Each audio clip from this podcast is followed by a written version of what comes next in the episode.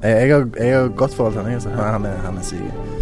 Han, Jeg tar dere imot, dere får kaffe. Nå mista jeg lyden i høretelefonene. Der kom de tilbake. Ja. Ja, det er hyggelig å være her. Jeg er glad i, i podkast som fenomen. Jeg må ut. hjemme mot Lyngen Karnes gikk de på et litt leit 0-19-tap eh, Oh. her. Hvilken det- divisjon snakker vi? Er det tredje eller fjerde? Fjerde, fjerdedivisjon. Kjetil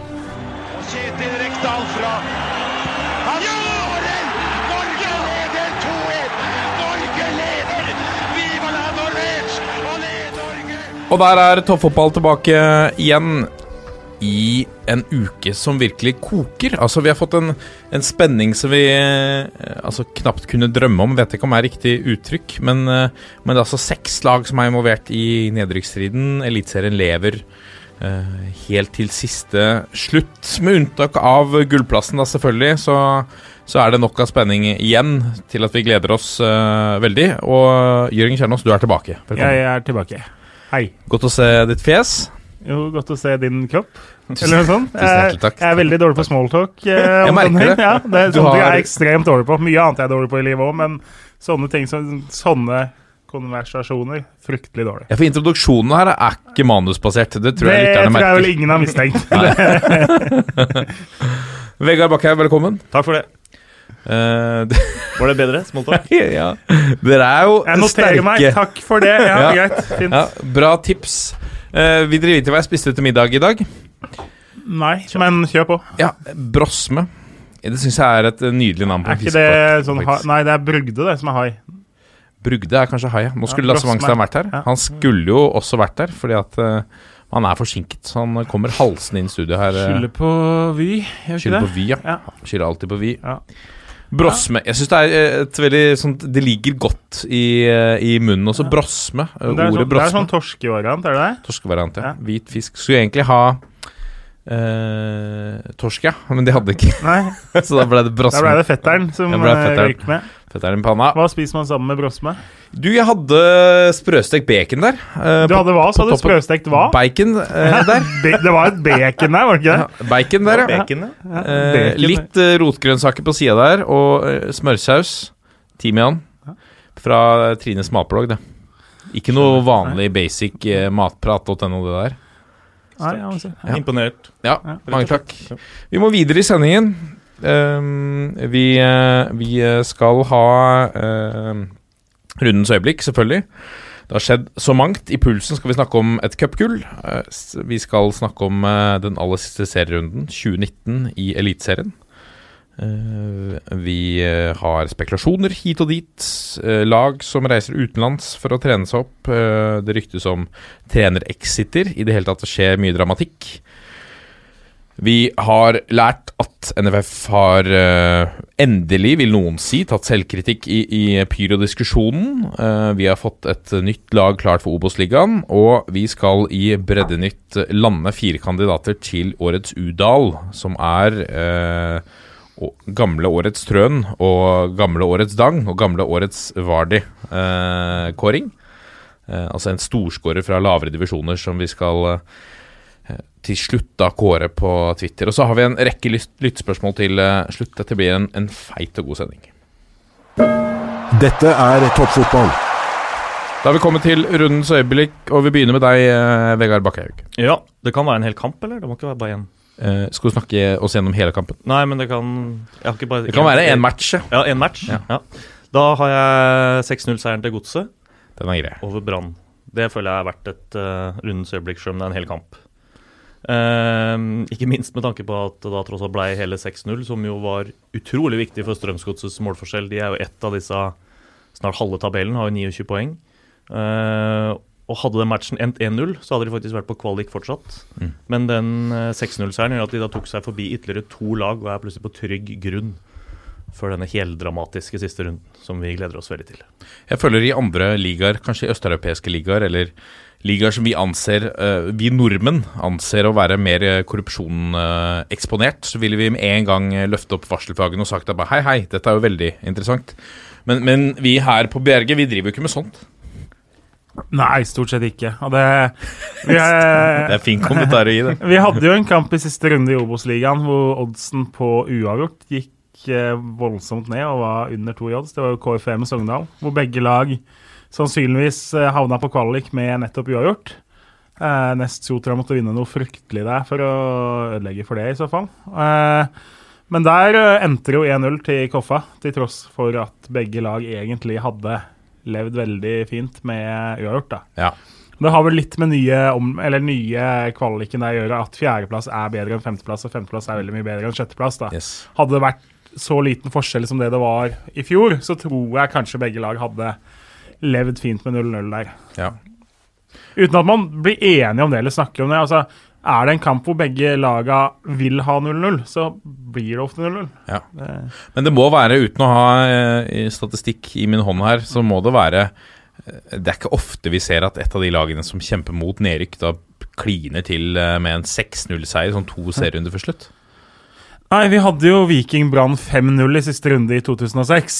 Igjen Brann, som da møtte et Viking som måtte vinne. Eh, Viking måtte vel ha hjelp òg av Stabæk borte mot eh, HamKam. Da tapte vel HamKam 5-1 mot et Stabæk som ikke hadde noe å spille for. Så eh, Brann, da, som eh, har vært i begge de, det Ja. Nå Gi en mer bensin på bollet til Davy Vatne, som mener at uh, insisterer på at Brann og ikke Vålerenga, som Lasse hevder, er de hjelpeløses hjelper. Ja, det er jo Vålerenga. Det er jo Ja. det er ikke noe tvil om. Nei. Men det var jo litt klønete da Kristoffer Barmen sier i intervju før match at de hadde vært på et slags julebord med akevitt dagen før. Det er riktig. Uh, jeg tror jo ikke de hadde vært det, så det var sikkert bare et forsøk på å være litt morsom fra hans side. Men når du da taper 6-0 to timer seinere, så ser det jo ikke sånn helt bra ut. Det blei jo mye ut av det. Storyen var vel egentlig at på hotellet så hadde Brann hadde sin spesialbuffé som var bestilt. Altså kylling og pasta og litt salat og litt sånn. Og så var det et julebord på hotellet i tillegg som spiste der, som da skulle gå på andre sida serverer servere seg da med ribbe og pinnekjøtt og sånn. Bare man hadde havna i feil kø, om man er vimsete eller hadde veldig lyst på julemat, det, eller begge deler. Så han endte jo da opp med å spise julemat istedenfor matchmaten eh, kvelden før. Så han hadde da faktisk vært på et lite julebord, men det var vel ikke noe akevitt. Men ja, det kokte jo greit på Twitter der under kampen. Det, og noen tok det jo bokstavelig, og noen lurte og ja. Det, Men det skal vel sies at han var vel en av Branns beste også i den matchen, i den grad det fantes noen. minst Minst dårlig, minst skandaløse er vel kanskje betegnelsen da. Ja. Du taper jo ikke 6-0 fordi du spiser litt ribbe og en medisterpølse. Det er jo Den blir for tynn, da. er stort sett min unnskyldning i sånne romjulscuper jeg har vært på. Det er, det er ribba og medisteren som har ødelagt uh, der. Men nei, det er jo eh, Hva skal man si om Brann? Altså, det er jo bare å plukke fram de mest negative adjektivene du finner, egentlig. Det er flaut og håpløst. og Uh, sto de jo for et par runder siden og sa at de hadde alt å spille for og, fordi de skulle vinne tilbake fansen. Jeg tror ikke 0-6 for et lag på nedrykksplass vinner tilbake veldig mange sesongkortkjøpere. Det er rett og slett en trist sesong for Brann. Virkelig. Henger Lars Arne Nilsens jobb i en tynn tråd, eller er det mer langsiktig tankegang fortsatt i Bergen? Han har jo i hvert fall mista en god del av den der helgenstatusen som han hadde blant supporterne. Vi skal jo ikke mer tilbake enn 15-16 måneder før de var godt i rute til gullet. Tok dem opp fra Obos og opp til medaljeplass i men det Nå har de handla. Eh, De har handla dyrt uten å klare å få plass til de dyre spillerne.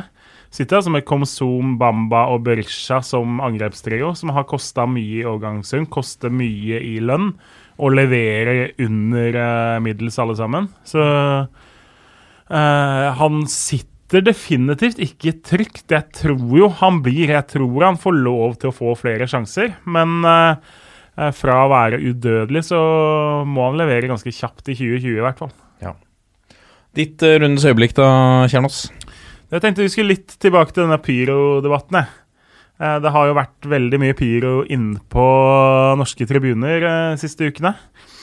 Mjøndalens Ultras valgte, ifølge flere på Twitter eh, Man må jo prøve å smugle med seg dette inn, siden det ikke er lov å ta dem inn. Og det fins jo kreative måter å få med seg det inn på uten at vaktene oppdager det. Mjøndalens gjeng valgte, hevdes det, å forsøke seg med en bærepose fra den lokale matbutikken med blussene oppi. Eh, så det er jo litt sånn Det er litt hva skal man kalle søtt, da. Litt, litt hyggelig, litt koselig, litt naivt. Det gikk ikke. De endte med å blusse litt utafor stadion, og så ble det liggende igjen utafor. Så ja. Der røyk femårsjubileet for uh, ultrasene i en bærepose fra Rema eller Kiwi. Vakkert, vakkert. Eh, jeg, skal, eh, jeg skal hylle meg selv. Um, yes. På mange måter. eh, jeg meldte jo Vi tok en runde på, på denne rundens profil, eller hvem som ville markere seg, og da meldte jeg at jeg tror Håkon Evjen markerer sitt farvel med Aspmyra-publikummet med en scoring, og det gjorde han jo. En etterlengtet scoring. Nå de, hadde de ikke vunnet på fire matcher, Bodø-Glimt, og så stanget jo litt der før de fikk den scoringa mot Åh, hjelp meg nå, karer. Kristiansund. Kristiansund, ja. Som endte 3-0. Um, Håkon Evjen der, altså. For en, eh, for en stjerne. Jeg håper nå at han blir tatt godt vare på i, i eh, Nederland. Et, uh, altså et perfekt uh, punktum om han nå også kan være med på å, å sikre de sølvet. For en, for en sølvgutt, eller gullgutt. Helt rå sesong. Da. En som Virkelig. kanskje mange ikke hadde hørt om nesten før seriestart i år. De fleste hadde vel ikke hørt om det. Og så bare går og leverer det der og blir solgt for 25 mil, eller hva det var. Det Ja. er meget bra. Rått. Bra butikk. Nå kommer pulsen. Da er vi kommet til pulsen, og vi skal begynne pulsen med å gratulere LSK kvinner med cupgull. Grattis. Gratulerer. Er det bare jeg som klapper? Ja, det var bare du som klappa. Vi men det vi Jeg sa Du sitter opptatt på telefonen igjen, Jørgen Kjernås. Det har vi fått kjeft fra Twitter Jeg har på fått kjeft fra mange, men jeg, føl- jeg følger med. Jeg, jeg tror jeg har litt eh, Jeg har noen av bokstavene i ADHD. Den der eh, Alltid å oppdatere Ikke den der eh, hyperaktivitetsdelen, men den der konsentrasjonsgreia eller et eller annet. Det trenger å være i eh, flere interaksjoner samtidig for å få brukt min enorme hjernekapasitet, eller et eller annet sånt. Nei, jeg, jeg veit ikke, men jeg følger med. Uh, men jeg hadde ikke hender å klappe. Men det fortjener definitivt en applaus da å vinne 5-1 over det som jo er erkerivalen i en cupfinale. Ja, og det laget som liksom har sagt at vi skal dytte LSK ned av tronen. Ja, og så har jo LSK avslutta sesongen svakt. De tapte vel hjemme for Jumbo Fart, blant annet. Eh, uavgjort borte mot Stabæk, som jo var et bunnlag, i siste runde. Og liksom, etter at gullet ble sikra, så har jo LSK vært uh, svake. Så at de da går hen og leder 4-0 til pause i en cupfinale, eh, det viser jo veldig mye om altså, vinnerkultur og tradisjon og eh, kvalitet. Så har vel Vålerenga Nå har de jo sikra seg en, eh, en plass eh, i eh, Champions League også. Det var vel det viktigste for de kanskje. Så var dette cup, en cupfinale. Men en cupfinale er jo fortsatt en cupfinale. Det var en fest. Ja, det, det, de, de bidro jo sjøl i forkant med å hype det veldig opp og ga det mye oppmerksomhet, som jo er naturlig, selvfølgelig. Men da blir jo liksom nedturen også desto større, da. Det var 3-0 etter 25. Vel, da er jo matchen over. Mm. Og da er det ganske lenge å holde det gående og vite at du blir ydmyka av eh, den store erkerivalen. For dette brenner også Altså, dette rivaleriet sitter også på kvinnesiden. Ja da, og det er klart det er mange av dem som spiller på landslag sammen. Et par av dem jobber sammen. Eh, kjenner hverandre. Så det eh, Å vinne en cupfinale betyr jo alltid mye i seg selv, men eh, det gir deg jo litt bragging right også gjennom en lang eh, vinter. Absolutt. Gratulerer til LSK eh, kvinner der også. Sterk eh, seier og sterkt eh, cupgull. Vi går videre nå og skal snakke om eh, Eliteseriens eh, siste serierunde 2019. Eh, hvis vi da ser bort fra kvalifisering osv. Fordi det er nå seks lag som, eh, som eh, er innblandet i nedrykksstriden. Eh, det er en thriller som skiller Altså det er noen poeng som skiller lagene. Um, det meste kan skje. Kan hva, Først og fremst, hva tror du? Hvordan tror du dette ender, Kjernos? Nei, altså Ser man veldig kjedelig på det, så har jo Ranheim en minimal sjanse. Fordi de spiller tross alt borte mot Rosenborg. Eh, og det er ikke sikkert at seier holder, selv om det trolig holder med seier. Så er det ingen garanti for dem at det er nok. Det kan gi både nedrykk og kvalik. Så de har definitivt den bratteste oppoverbakken. Men både de og Mjøndalen har jo en veldig enkel case foran seg. De må vinne. Eh, Det er ikke noe annet det er snakk om. Det er mye vanskeligere for Tromsø, f.eks., som sannsynligvis kommer til å justere hva de går for ut fra hvordan resultatene er i de andre kampene underveis. Eh, Samme for Godset. Og så har du jo da den LSK Sarpsborg hvor du kan få et scenario at begge lag egentlig er dødsfornøyd med 0-0. Eller du kan få at eh, lagene faktisk trenger mål på slutten. Eller et, ett av lagene trenger mål på slutten. Så Eh, for oss nøytrale så er det jo en helt nydelig sånn case vi har fått på slutten. Men her er det jo fryktelig mange scenarioer eh, som spiller inn, og det kommer sikkert til å være forskjellige lag, både kvalik og nedrykk, i løpet av de 90 minuttene. Jeg gleder meg til å følge den live-tabellen. Ja, Nå er de oppe, og nå er de nede, og, og den eh, Eurosport, det må vi få på. Viktig. Ja. Men jeg lurer litt på hvordan laga skal forholde seg til det der. For altså, alle sier i hvert fall at først og fremst vi må gjøre, våre, vi må gjøre jobben sjøl, og så får vi bare ta den hjelpa vi eventuelt får. Men hvor mye skal du sitte og følge med underveis i matchen? Har de en på benken som sitter og får med seg alt, altså fra match minutt nummer fem, liksom? Hvem som hadde Mac på Det var Spania som hadde Mac på, på, på sida der, på, på Ja, du må jo, du, du må jo det, mener jeg. Eh, ikke sant, For Sarpsborg, om, de- om det er 0-0 der, så må jo de vite om det er godt nok, eller om de trenger et mål til. Mm. Og om eh, tap betyr at det blir enda verre, liksom. Det, du får jo hele tida den risikovurderinga opp mot gevinst. Men, uh, Men tror du Geir Bakke er involvert i det liksom fra nesten fra avspark av, eller er det litt mer sånn at han Jeg- får en beskjed på øret litt ut i andre omgang, liksom? Nei, det bør han være. Eller det, er- det, er, Ja. det er vel sikkert Hadde, hadde jeg vært Geir Bakke, så hadde jeg satt en mann i teamet mitt til å følge med på det. Ja, De kommer til å ha en som ikke er liksom involvert direkte i det sportslige. Så typ daglig leder eller liksom en som jobber som analyseansvarlig, eller en som liksom er knytta til det, men som ikke har viktige oppgaver på benken. da. Kommer de til å ha sittende på første rad bak benken med eh, mobilen og eh, ekstern lader eh, en masse? Eh, Før så hadde man jo eh, eh, måtte man jo forholde seg til radio. Jeg husker jo fortsatt Hønefoss holdt på å rykke ned i, eh, fra første divisjon. Eh, da sto man bak benken, og så lå Hønefoss slå under 3-0 til pause mot Skeid.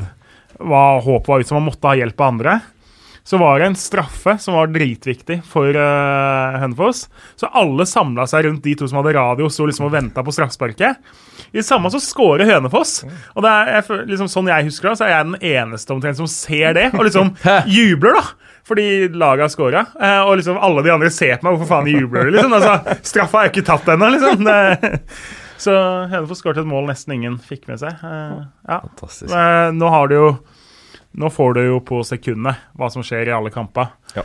Eh, så Men ja, det blir Jeg tror jo at, eh, som du sier, at vi kommer til å ha mange lag innom de tre plassene i løpet av alle kampene. Uh, realistisk sett, da. Jeg mener at Mjøndalen, er, selv om de har alt å spille for, Vålinga Vålerenga ikke har noe å spille for, så mener jo jeg at det er større sjanse uansett for UB i den kampen enn H. Eh, som betyr da at det er over 50% sjanse for at Mjøndalen går ned. Og hvis du gir Ranheim si 15% sjanse for å vinne sin kamp, da, og så vinner noen av de prosentene så er ikke det godt nok likevel, da. Så for meg så er det de to som er størst sjanse til å altså Rent matematisk er det jo ikke noe tvil om at det er de to lagene det er størst sjanse for at går ned. Nei. Men igjen, altså Mjøndalen, du kan ikke be om noe bedre setup enn å møte lag som ikke har noe å spille for, og som har vært elendig hele høsten.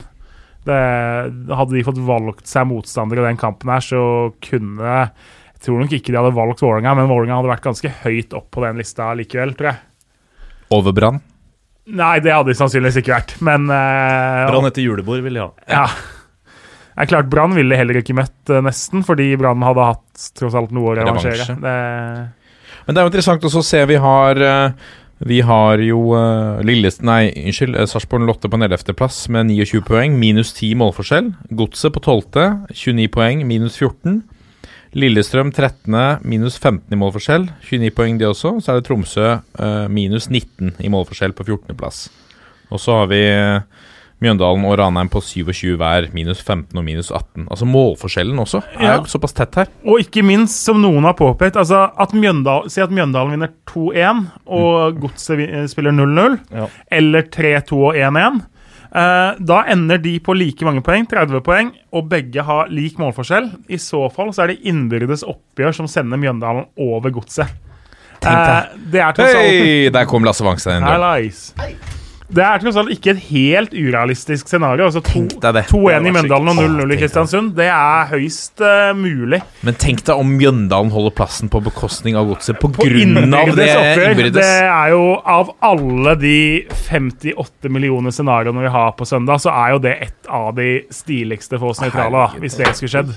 Å ja, en ja. uh, unnskyldgave fra Lasse Wangstein. En, eh, Unnskyld for at jeg kom for sent. Ja, Beklager. sterkt. Det, det er i orden. Ja. Så blir det jo Du gikk glipp av Sorry, du gikk glipp av at jeg har spist brosme til middag. Jeg var veldig stolt av det. Gratulerer.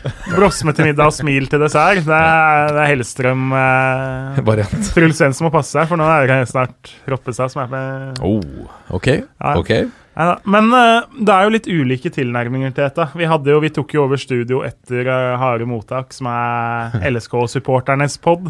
Ja. De, det var jo en relativt resignert gjeng, egentlig, som vi møtte i døra her. Og tett luft i dette studio. Ja, de var jo egentlig I disse guttas hode så er jo egentlig LSK nede, og kun på en måte Jesu oppstandelse kan eh, endre på det på søndag. Så men eh, LSK kjørte jo Nå er jo vi på tirsdag kveld. Mandag kveld så var det jo styremøte, hvor da lokalavisa heftig spekulerte i om det kunne være det siste Jørgen Lennartson gjorde. Og veldig mange av supporterne hadde et håp om det. Eh, de har snakka om å dra utenlands for å finne gode gressbaner å trene på, istedenfor å trene på kunstgress, sånn som de vel ellers hadde plan om.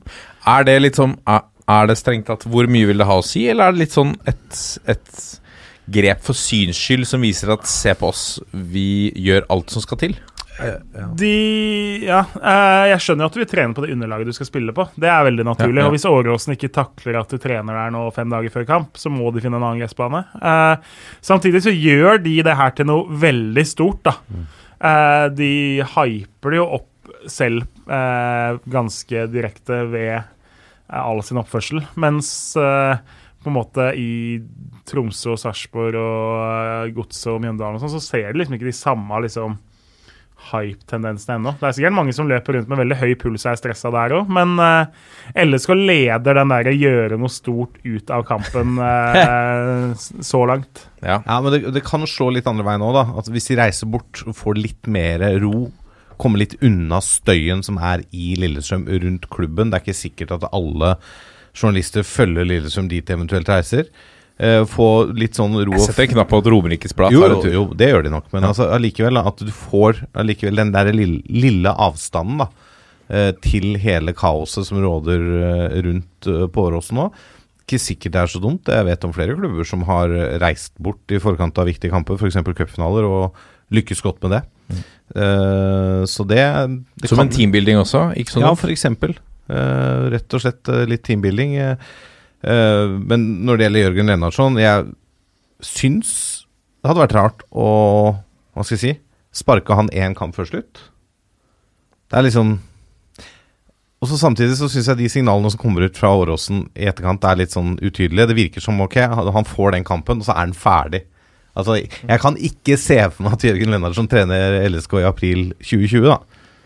Sånn som det høres ut nå. Nei, ikke basert på uttalelsen om at eh, Han leder i siste kamp. Han leder de i siste kamp. Ja. uh, så virker det jo veldig Du går ikke ut og sier det hvis det er 100 tillit der. Nei, nei. Det er vel ikke noe Nei. hemmelighet. En sånn teambuilding når det går dårlig uh, Har sjøl vært med på det her så mange ganger. og Når du liksom ligger nede i sumpa der da, og det begynner å bli stressa og merker litt, så er det alltid en eller annen luring som finner på at nei, vi drar på bowling eller vi drar og kjører gokart. Ja, ja, ja. Og for meg blir det nesten bare at du nesten om får beskjed ja, vi kommer til å rykke ned. Ja. Du får liksom bare den derre trøkk inn. Nå, nå er vi du har ikke noe trua på det i hele tatt? Nei, bowling det blir ikke noe bedre av det, liksom. Jeg føler nesten bare sånn Du bare blir slått enda lenger ned i gjørma. For du veit liksom at ok, nå er det krise her. Nå brenner det liksom. Nå er de desperate. Mjøndalen sendte vel spillerne sine på ferie en uke? Ja, det er, det er jo bedre. Ja. Eller bare sa gå på fylla? Ja. Det hadde jeg, det hadde jeg likt. Det hadde- Heller det. Men har dere gjort, hva gjør dere i Eidsvoll da hvis, eh, hvis dere hadde gått ti kamper uten seier? Nei, Jeg husker en gang vi bl- blant annet dro på gokart. Og følte det ble sånn pressa sosial tilstelning hvor nesten alle bare står og tenker sånn uff, nei, nå går det gærent. Men det har vært bedre da å tatt en fest med gutta? Ja, jeg er jo gæren. Jeg tror ikke LSK bør gjøre det den uka her, da, kanskje. Men, eh, men eh, Nei, jeg syns ikke det er noen sånn superidé for min del, men Nei, Men ikke fan av gokart der. Nei, nå er jo, må jeg bare beklage at jeg har kommet seint, og jeg vet jo ikke hva dere har snakket om så langt. For jeg har ikke hørt på dette på veien. jeg har en Eriksteori som jeg har spart til du kommer. Oh, det er deilig. For jeg veit du kommer til å være enig. Ja, okay. For jeg bare lurer på Apropos Lillestrøm Ja. og harde mottak, som da er eh, Jeg skjønner at det er tungt der, det er ti kamper uten seier og alt det der. Men de har jo vel i utgangspunktet et bitte litt bedre utgangspunkt Oi, det var dårlig norsk uh, enn eh, noen av konkurrentene. Har de det? Altså, i, i uh, beste fall så kan vel LSK klare seg med en U der? Hvis det, et par andre resultater går av veien, da. Ja, de kan klare seg fint med U. Ja.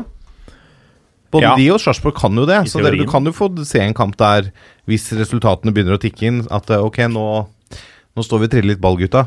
Dette resultatet står seg bra. Ja, altså Sarpsborg er jo 99,9999% sikre med uavgjort. Fordi hvis de spiller uavgjort, så må jo da eh, Mjøndalen ta inn fem plussmål på dem, eller Ranheim ta inn åtte plussmål. ikke sant? Ja, ja. Så eh, I tillegg så må da Tromsø vinne. Ja. Eh, så kombinasjonen Mjøndalen femårsseier, eh, Tromsø-seier den, eh, og Godset-seier i tillegg Får jeg mye penger der? det får du ganske god odds på. Ja. Så uh, Sarpsborg veit at uavgjort er nok. Mm, mm. Uh, men ja, det Det blir Men Lillestrøm har dårligere målforskjell, da. Minus 15 der, så, så sånn sett Jeg tror jo Mjøndalen slår Vålerenga. Og da er de på 30. Uh, og da, hvis eh, Lillestrøm eh, tar ett poeng hjemme mot Sarpsborg Lotte, eh, så er jo de da på Altså, da er de Det er Mjøndalen foran. Og at Tromsø slår Stabæk på Alfheim i en kamp som Altså, det har vi ikke touchet innpå ennå. Det er meldt 20 cm snø fra fredag til søndag. Ja, det er meldt i- latterlig kaldt. Tromsø og Trondheim. Altså, Ja, det er meldt kan i påvirke Mjøndalen. Minus ni, ja. Ja, ja, der, ja. Nå må du legge bort lekene. Jørgen legge sitter vekk og mobilen, men eh, ja, Han bygger tårn. Ja.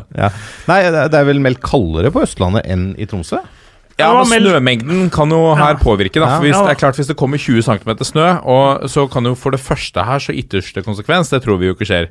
De har jo spilt mot Chelsea med snøballkrig. Mm. Men eh, så kan det jo være at de er nødt til å flytte kampen til en annen by. Det, det antar vi ikke skjer. Nei. Men hvis, eh, hvis eh, det er mye snø på banen, så vil det påvirke spillet, er det ene. Ja, I tillegg så, så hadde vi et scenario her i starten av sesongen hvor de måtte utsette kampen underveis med et kvarter. Mm. Og da får jo de en fordel kontra de andre lagene. ja, helt klart. Så det, er jo, det blir jo hvordan skal vi takle Hvordan skal man takle det? ja, uh, NFF sa vel noe sånn om Ranheim sin kamp, at det viktigste er at kampen blir spilt.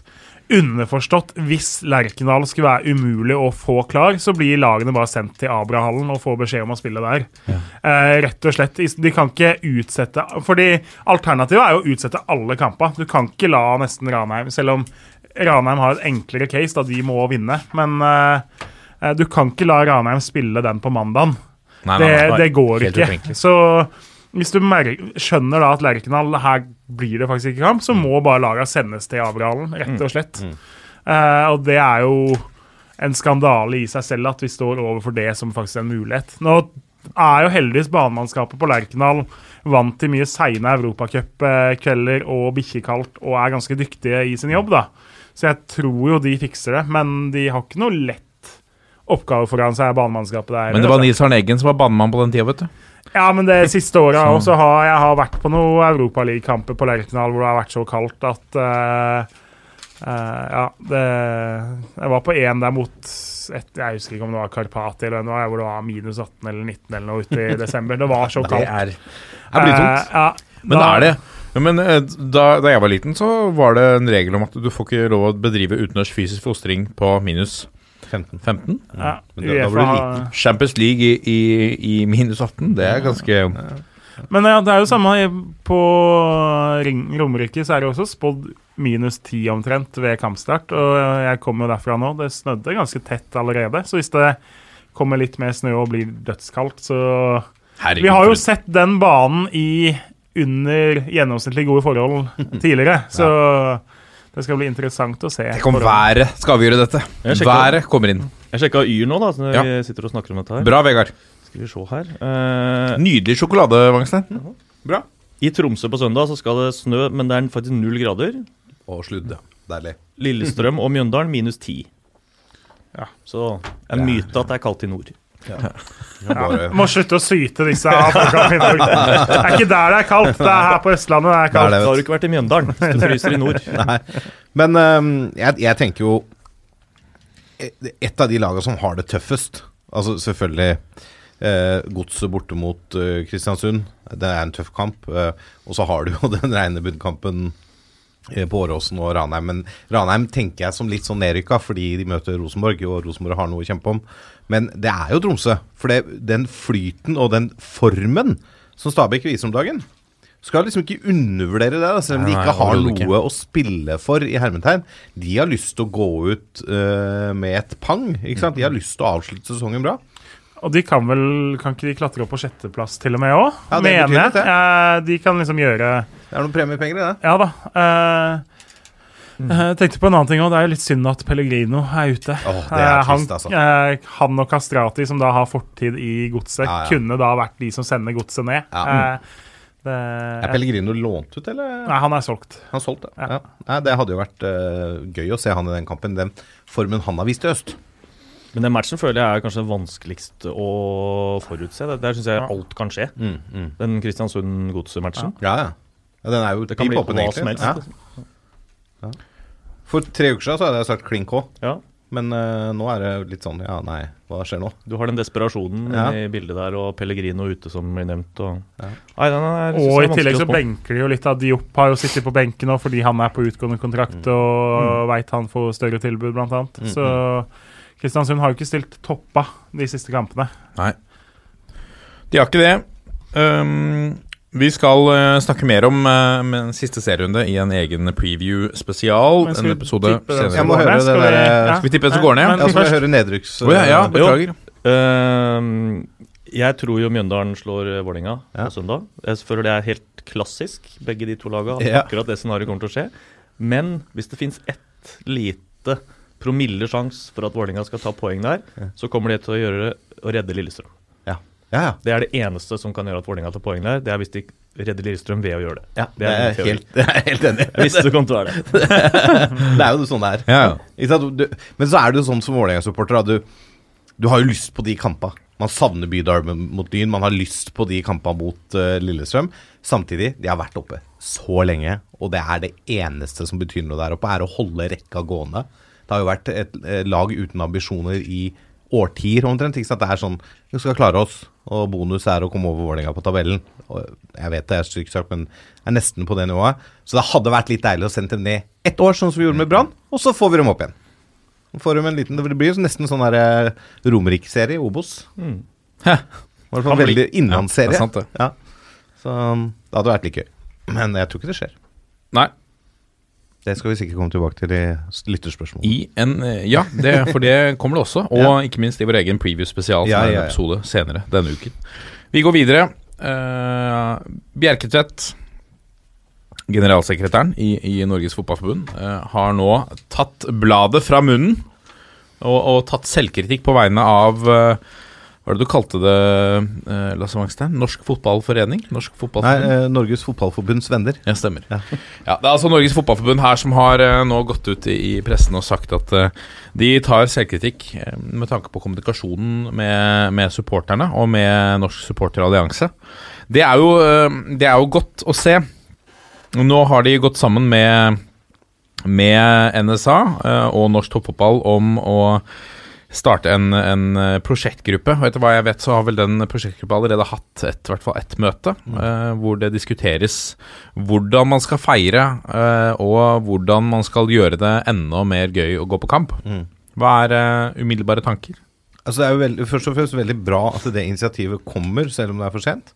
Eh, og så får vi jo håpe at den gangen her at det blir mer enn ord. At det faktisk blir handling her, og at det, faktisk supporterne føler seg hørt, og at deres meninger betyr noe. At det ikke bare de blir invitert inn for å komme med, lufte sine meninger, og så er det litt sånn Ja, vi hører hva dere sier, men vi gjør det sånn allikevel. Uh, at det faktisk blir noe konstruktivt ut av det. Men initiativet er kjempebra. Og det er jo det supporterne har villet hele veien.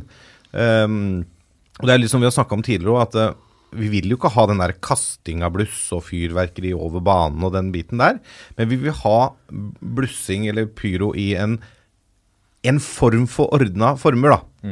Det vil si at det, kanskje de som får lov til å blusse, de har en form for utdannelse eller har tatt noe kursing rundt det, at det er litt tilrettelagt for det. Og så er det bra indrejustis på supportertribuner. Nå blusser vi, trekk unna.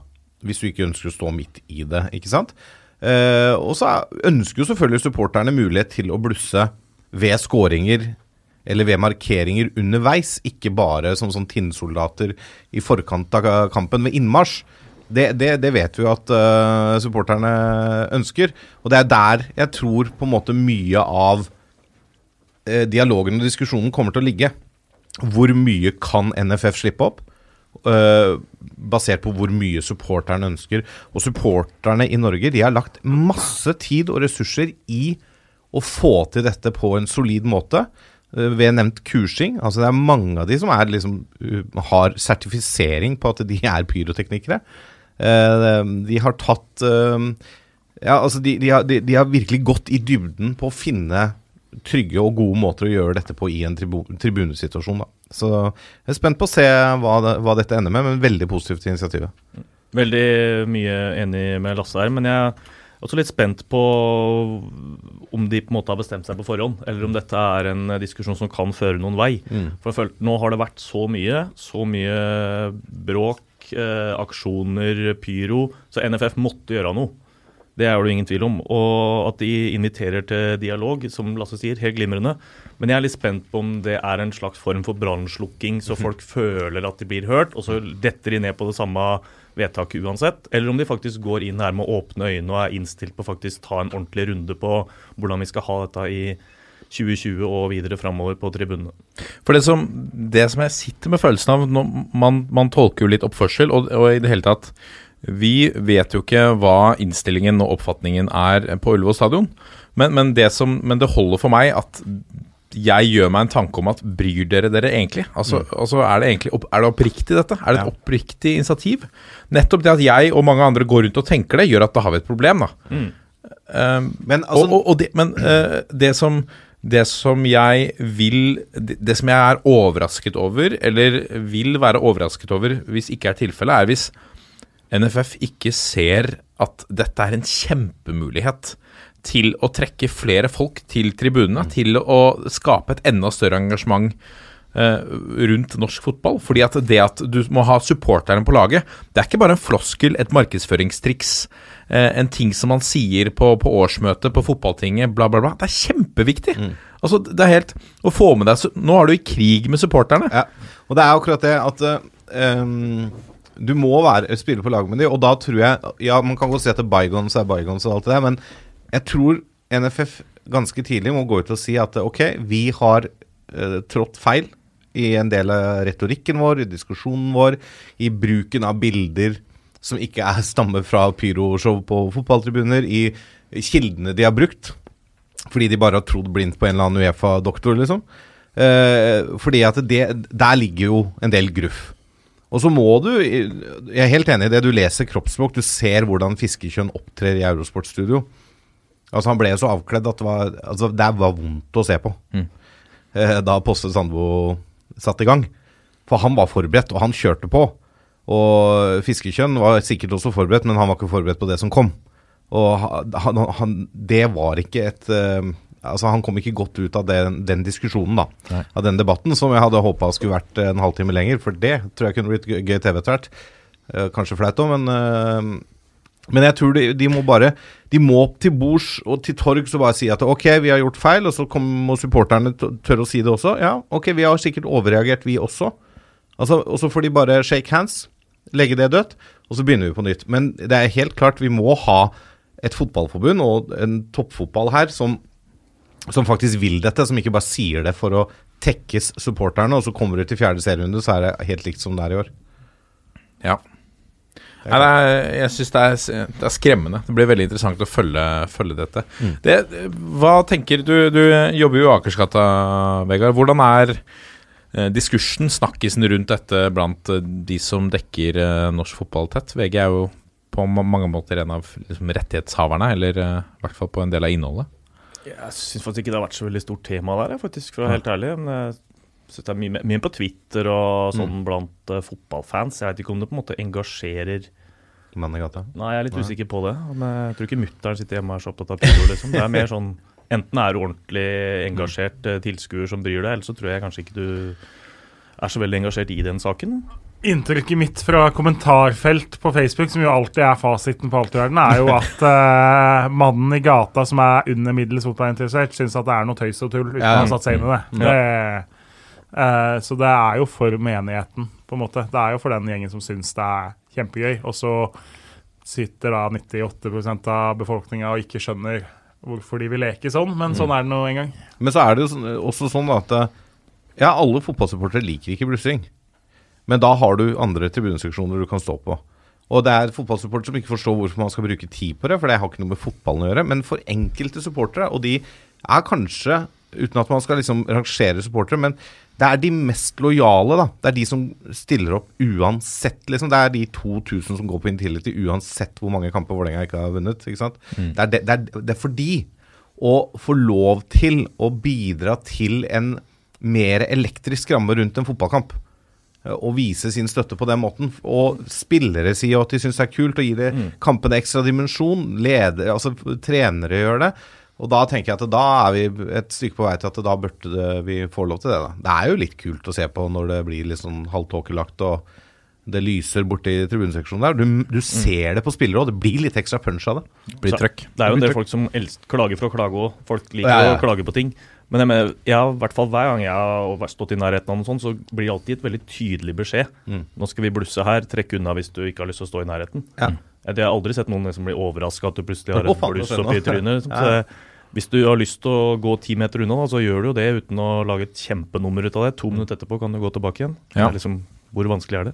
Det blir spennende å se i siste runde, da. Om det fortoner seg rolig, eller uh, om vi får se fortsatte reaksjoner på dette. Blir nok sikkert noen aksjoner i siste runde òg, tenker jeg, fra enkelte supportere. Det, det vil jeg tro. Og i hvert fall når eh, Lillesund har sikra plassen på Åråsen på søndag, så kommer det til å bli blussa på Åråsen i ren eufori. tenker jo NFF har vært litt smarte som har valgt å ikke gi bøter nå eh, denne uka. Og sannsynligvis ikke gjør det heller. De kommer ikke med de på fredag. Da kunne de fått noe takk for sist-aksjoner på søndag òg, tenker jeg. Jeg tror de tikker inn etter siste kvalikkamp har spilt. jeg. Ganske sikker på det. Og du tror de kommer?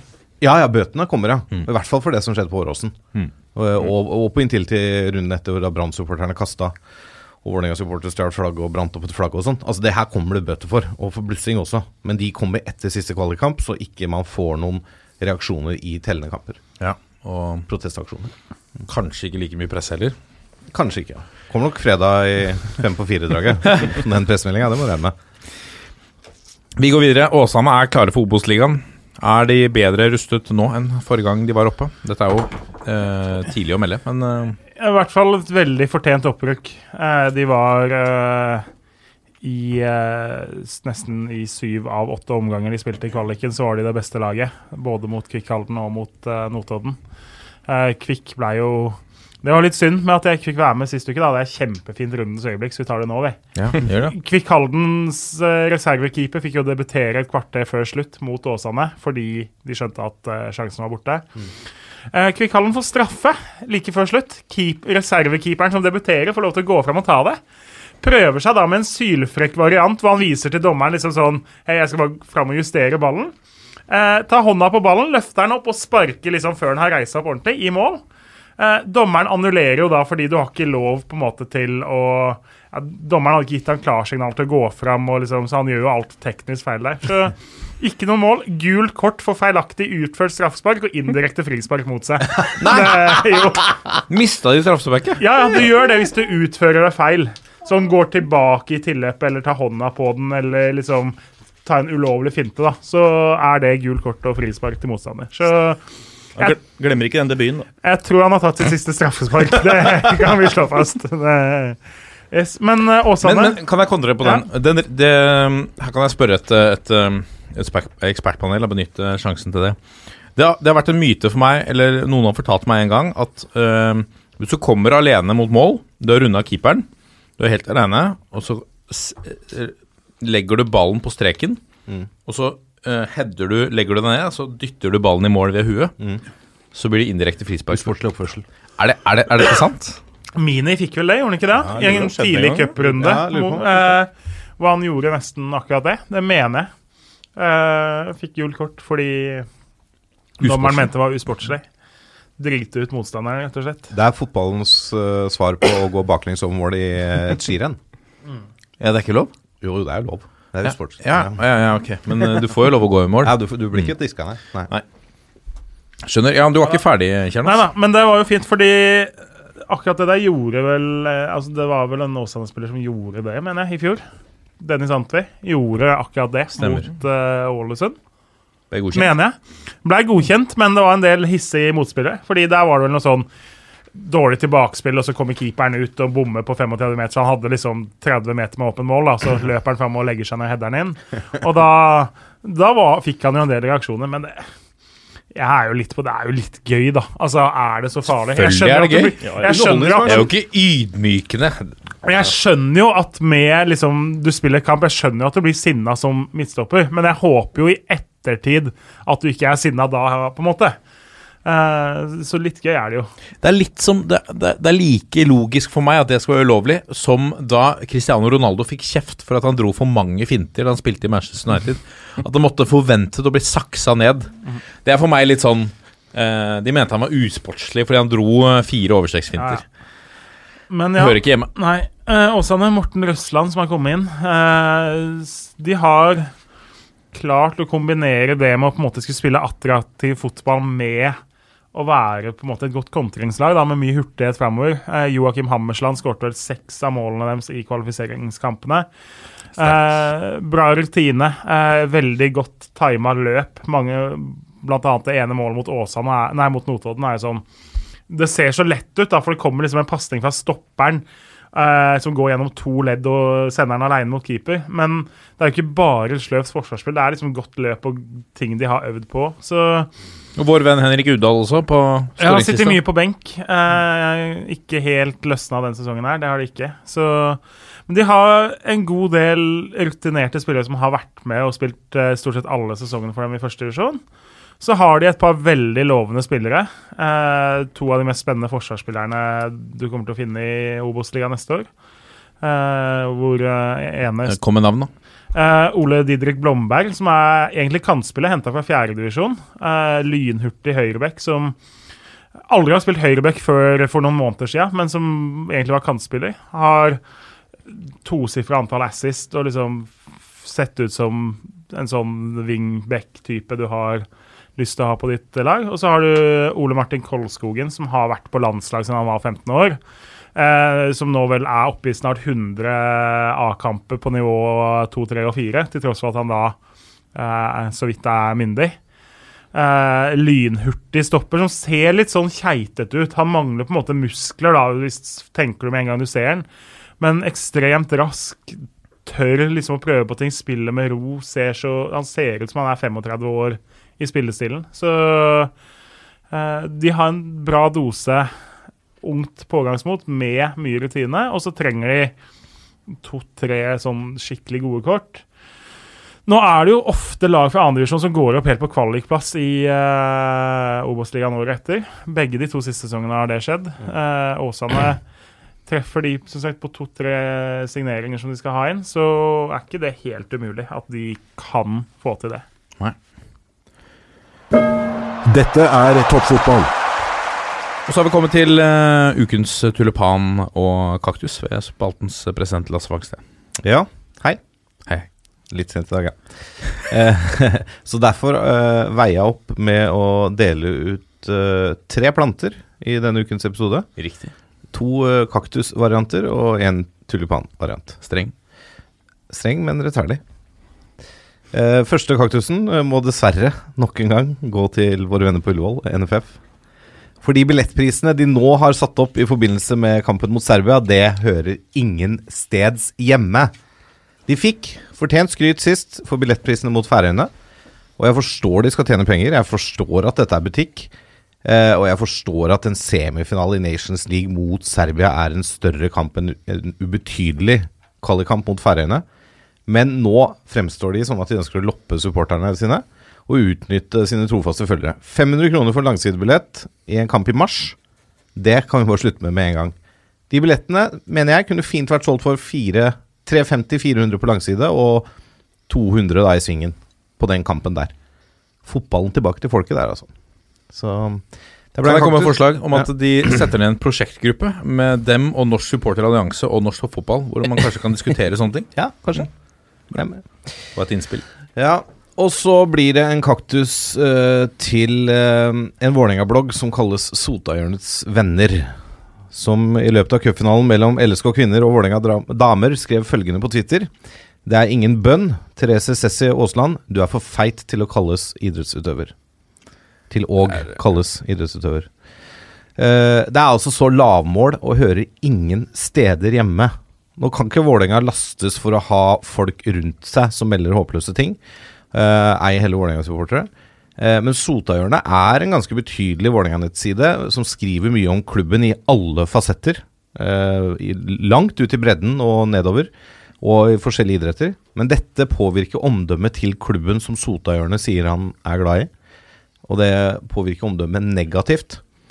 Det hjelper ikke at tweeten er sletta i etterkant, for den ligger der til evig tid på internettet. Det er sånn internettet fungerer.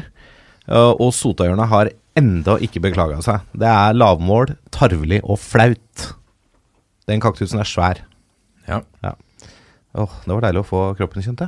Men det er sånn når du ser en sånn tweet, så, så tenker du at her, bu- det, dette er så, her burde jeg svare. Og så er, er det såpass Det er såpass liksom ute at du bare tenker at hvor skal jeg begynne her? Det faller Det på sin egen rimelighet, ikke sant. Okay. Det er, og det, det er helt Altså, jeg forstår at det, det kanskje har kommet noen kommentarer i retning klanen uh, på den scoringa, Ja. men, men det, forsvarer ikke den tweeten. Nei. Det, det gjør ikke det. Ukens tulipan går til eh, Øyvind Jacobsen. Speaker på Viking stadion. Og veldig mye mer. Ja, og veldig mye mer, ja. Og veldig mye mer, men uh, i det tilfellet er som speaker Jeg visste ikke han var speaker, men nå skjønner jeg. Ja. Nå faller Birkte på plass. Som, I dette tilfellet som speaker på Stavanger, eller Ja, ja. SR Bank Arena, heter det vel. Ja. Eh, Jonny Furdal skåra et mål mot Rosenborg. Eh, det, det ble assistert av eh, Kristoffer Løkberg, og da sier eh, Jacobsen målgivende pasning. Banens eneste trønder, Kristoffer Løkberg. Det er jo et helt fantastisk nydelig stikk i retning Rosenborg, som da reiste til Stavanger uten én eneste trønder i spillertroppen. Jeg elsker det. Det er, det, er, det er akkurat sånn vi må ha det. Helt nydelig. Ja, det er nydelig. Så tulipan i retning Øyvind. Ja, Da snakker vi om, om sånne små ting som å, som å skape litt liv, da. Som å by på det lille ekstra. Vi må liksom ta alle sånne småting for Ja, å vi må tåle det. skape litt mer trøkk på, eh, på kampene. da Men det der er jo gjort med humor og sterk. Kjempebra. Så det er, Ja, ja. Selv en ja, Rosenborg-supporter må jo være litt enig i at det er et fint lite stikk. Ja, ja, jeg, Du jeg, kan bli sur ikke sikkert at Nei, nei, nei. Trond Alstad nikka Nikka sånn eh, anerkjennende til det, men eh, de fleste andre ser nok humoren i det. Du kan på en måte ikke Det er jo litt av det vakre her nå, er at eh, Rosenborg har, uh, har kjefta på Molde for at de er for fintfølende når de synger 'Hate Molde by'. Så da, går, da, da skal det ganske mye til her. Så det er ganske mye dritt i eh, Trondheims retning før de skal ha lov til å begynne å kjefte. Altså, Øyvind Jacobsen skal ikke legge seg opp i spilleruttaket til Rosenborg, vet du. det, det er riktig. Ingen får lov å kommentere dette. Nei! oh. Ja, sånn er det. Dette er toppfotball. Og nå skal vi egentlig ha Breddenytt, men vi må begynne begynne Vi er på breddemusikk. Vi er på Breddemusikknytt. Ja. Fordi Jørgen Nei, eh, på vei hit så måtte jeg jo ha noe å høre på. Eh, Ramla innom NRK Rogalands eh, avstemning, hvor de skal kåre beste cupfinalelåt. For eh, de har jo både Haugesund og Viking eh, fra sin region. Har landa på tre superfinalister på hvert lag, ut fra totalt eh, over 40 bidrag. Eh, og vi har jo falt for en av Haugesunds eh, finalister. Presentert av Haugesund Ompakor. Lurte hvordan ting får til, for Haugard og Djervane er litt grann fjernere. Nå må det jo for fakkert noe skje. Vi skal til Ullevål, vi skal til Ullevål, ja, for araberne skal til Ullevål. Sterk med litt sånn måker baki der. Er ikke det Det er måker også bak der. du. Jossan klippte plen på Torvastad. Det var han Åge Steen som var så himla sta. Men Jossan tenkte Ja, gå inn på NRK Rogaland og hør hele denne fantastiske Ja, Og ikke minst stemmer han fram. Stemmer fram, ja! Vi, den må vi høre mer av. Ja, her, skal, her skal det stemmes. Ja, men det sånn. mobiliseres ordentlig. Ja. Det her må jo bli Haugesunds cupfinalelåt. Det er jo ikke noe tvil. Nå har ikke jeg hørt alternativene, men det her er en vinner. Vil du høre alternativet? Nei takk, det går fint. 而且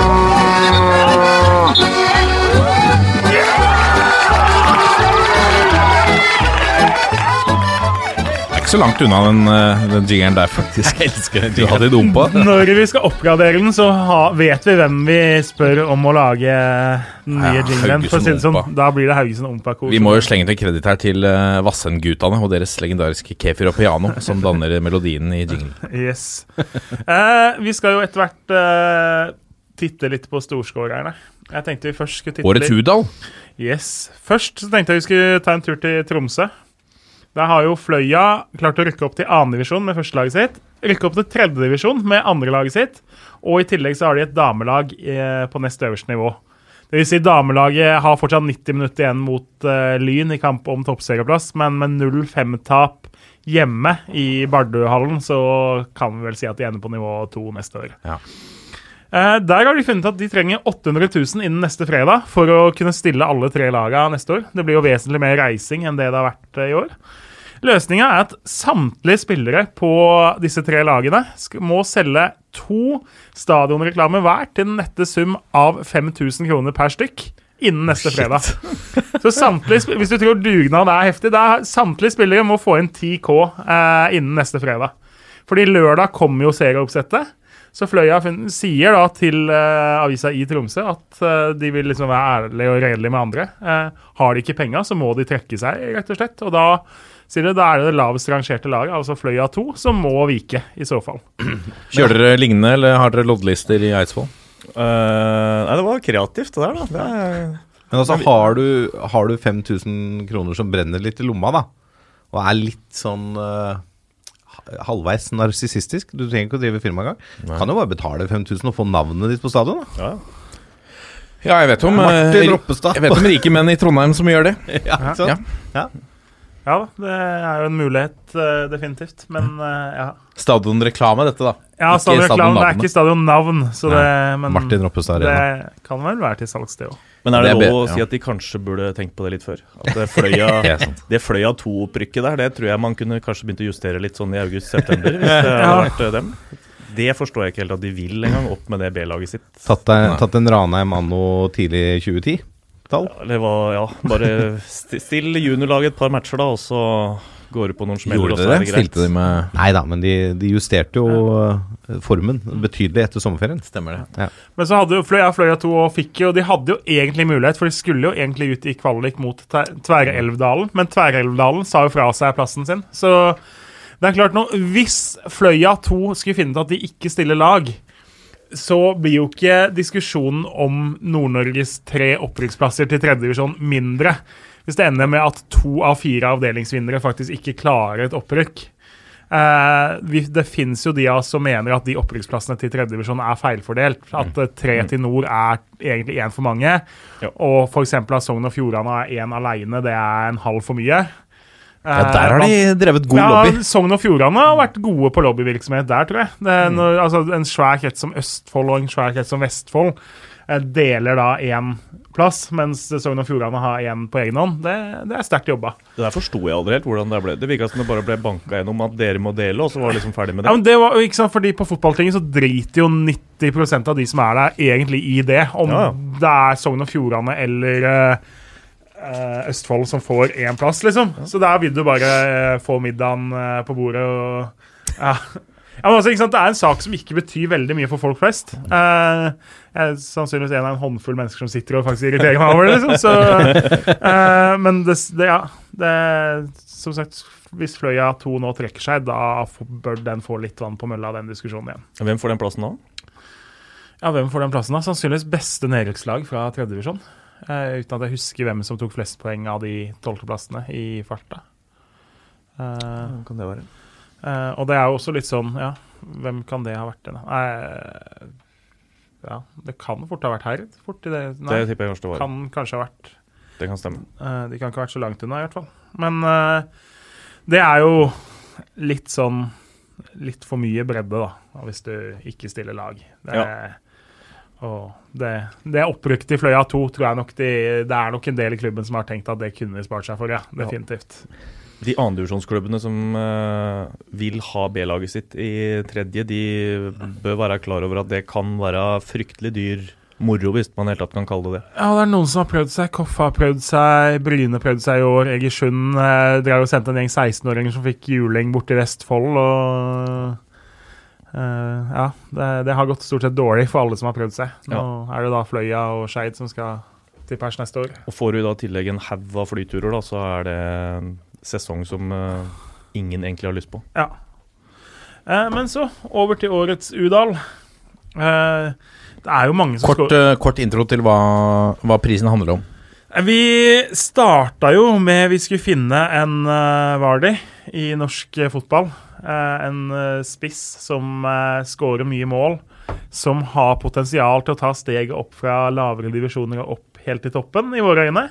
Som har litt X-faktor, som er litt ukjent. eh, I hvert fall til en viss grad. Det, den siste må vi skeie litt ut fra i år. før- Kan gjerne sitte i fengsel, det er pluss. ja da. Eh, gjerne ha en kone som røper en av en superstjernes ja, eh, innerste hemmeligheter og blir eksponert på Twitter, sånn som var det. Men eh, godta oss hvis det ikke skjer. Eh, godeste Udal tok jo steget fra Fana i fjor og opp til Åsane. Eh, så det vil jo si at han skal opp på nivå to neste år. Har ikke spilt all verden denne sesongen, men notert seg for fem seriemål og to i cupen. Så syv mål i andre divisjon, det står i hvert fall til godkjent. Men uh, vi forventer jo enda mer via Udal, uh, hvis vi kan si det sånn. Ja. Både vi og våre lyttere forventer Å ja, det, er, det ligger en tung bør når du vinner denne prisen. Men så, årets kandidater. Eh, det er jo litt sånn Vi må jo litt opp i divisjonene, for det er klart å herje rundt i femte-sjette divisjon er for så vidt imponerende, det òg. Men vi forventer jo litt mer. Eh, det er få som kan ta steget liksom opp fra norsk sjette divisjon og opp i eh, den ypperste bredden. Men eh, en som må med, mener jeg, er nesten to meter høye Vemund Eskevik. Spiller for Drammens BK. Han spilte I fjor så prøvde han seg i tredjedivisjon med litt varierende hell. Det ble seks mål for Åssida da. I år så har han på 25 kamper i fjerdedivisjon skåra 50 mål. altså nøyaktig to mål per kamp. Solid. I tillegg så har han da for andrelaget spilt uh, fem I kamper. fjerde div, ikke sant? fem, ja, i fjerde div. Og så i femte divisjon så har han ni mål på fem kamper i tillegg. Så han har altså 59 mål denne sesongen, hvorav da 50 av dem er på førstelaget. Eh, 23 år gammel, har vært i Vard eh, en stund tidligere. Han eh, er jo fra så elendig, så han har faktisk spilt annendivisjon, og så etter hvert tredjedivisjon og nå fjerdedivisjon.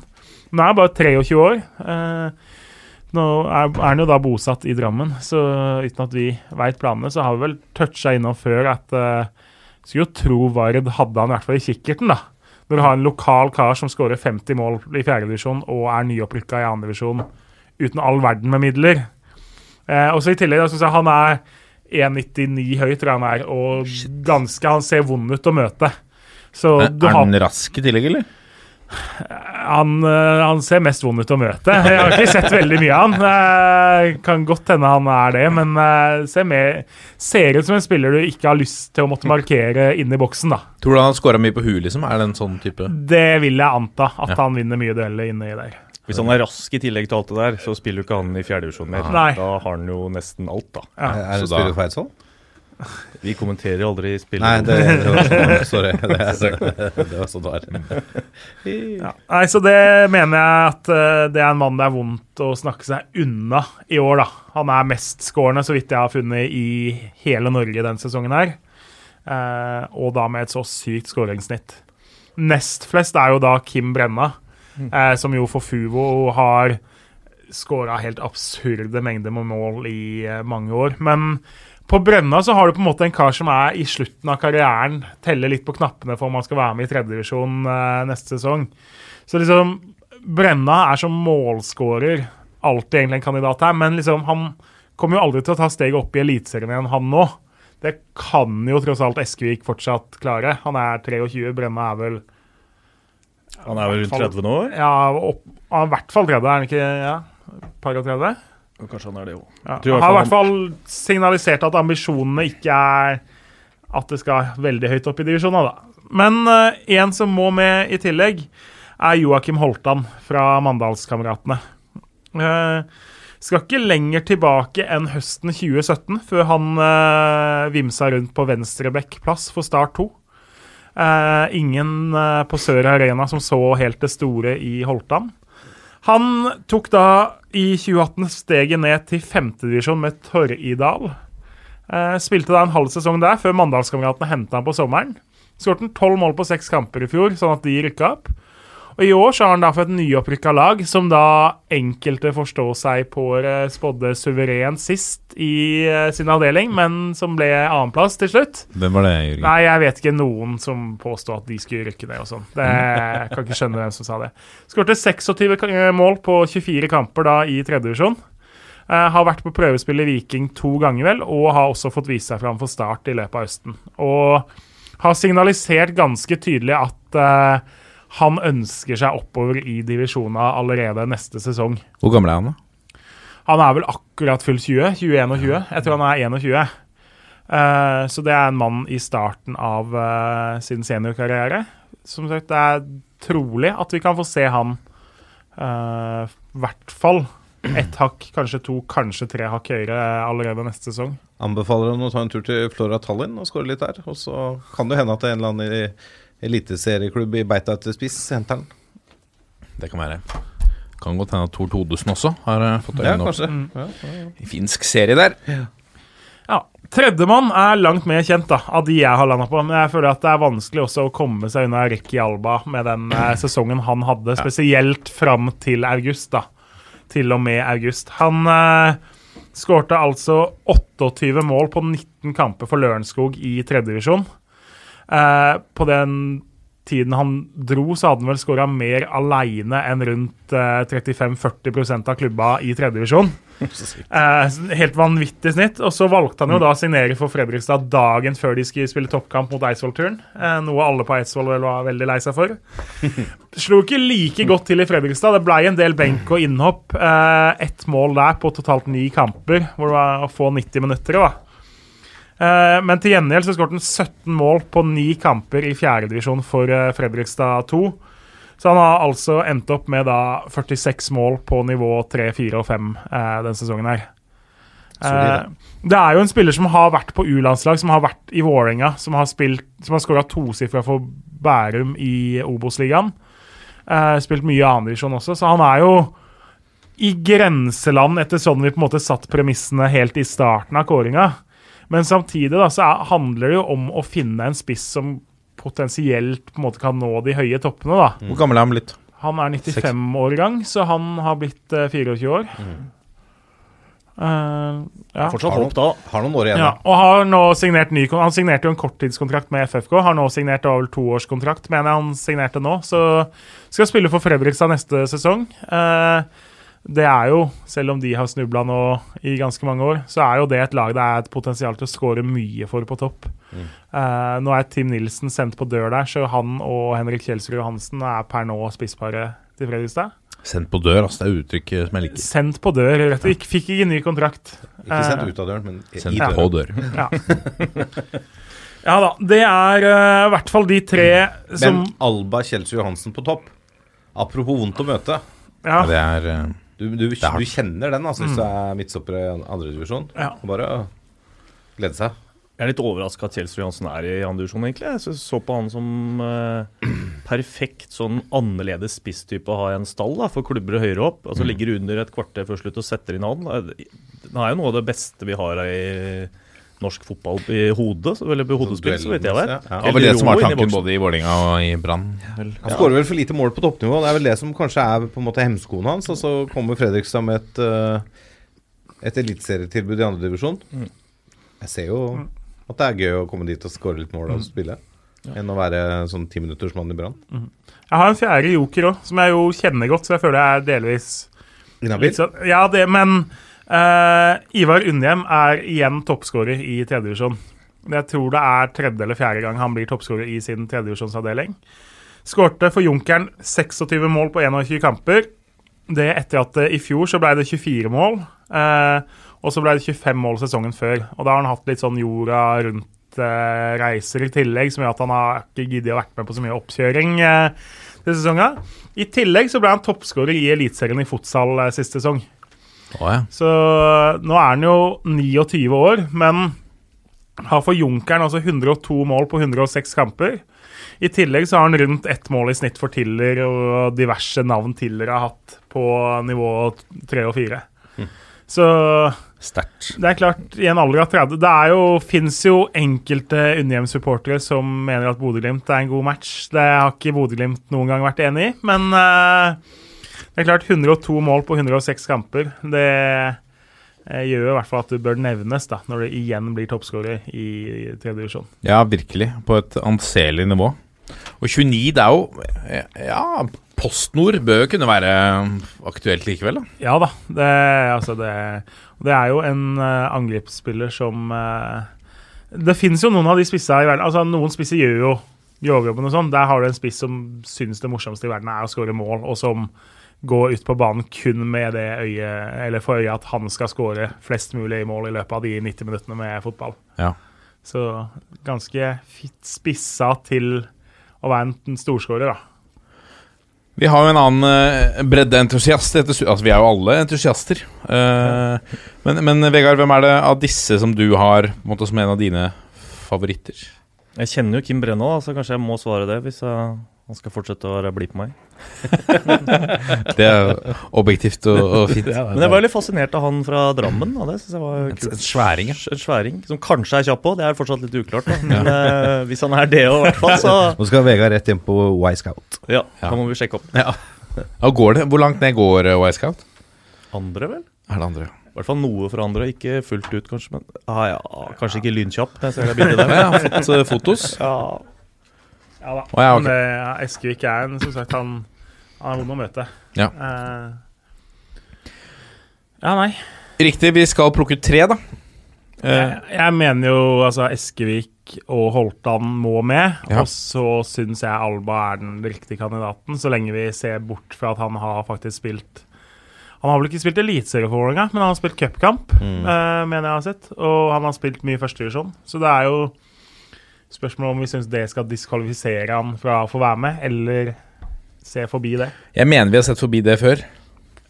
Så, Ja, så vi har hatt uh, Martin Trøen òg hadde vel uh, noen U-landskamper før han var med, blant annet. Så, så ja. Og vært, var i Sogndal da, før han var Ja. med. ja. ja. Altså, da har vi de tre, da. Vemund Eskevik i uh, Drammen BK. Joakim Holtan i Mandalskameratene og Rikki Alba. Da røyk Brenna, da.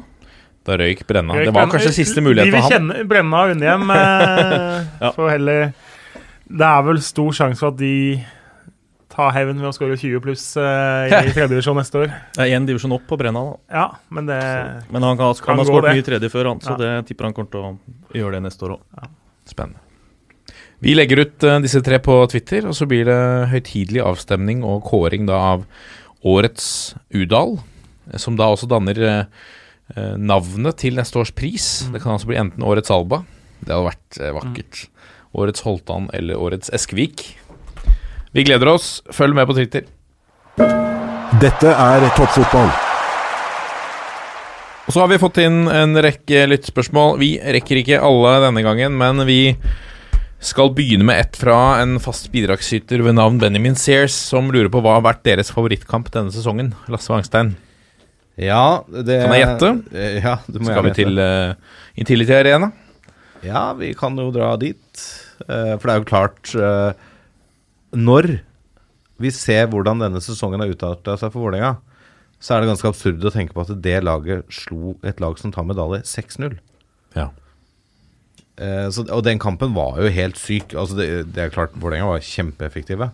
Det meste gikk inn. Men det var jo en eh, Som Vålerenga-supporter å sitte eh, i en stue i Bunes allé i Brønnøysund med en svigerfamilie som er delt på midten. Altså De heier både på Glimt og Rosenborg, for de er jo midt imellom.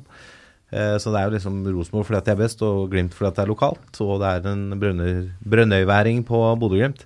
Sitte i stua der og se den kampen, det var en eh, herlig, herlig liten opplevelse for eh, unge, lovende Vangstein. Jubla du høyt? Var det innafor? Jeg tåler å vise at jeg heier på Vålerenga, jeg. Ja. Så de, er, de vet jo det.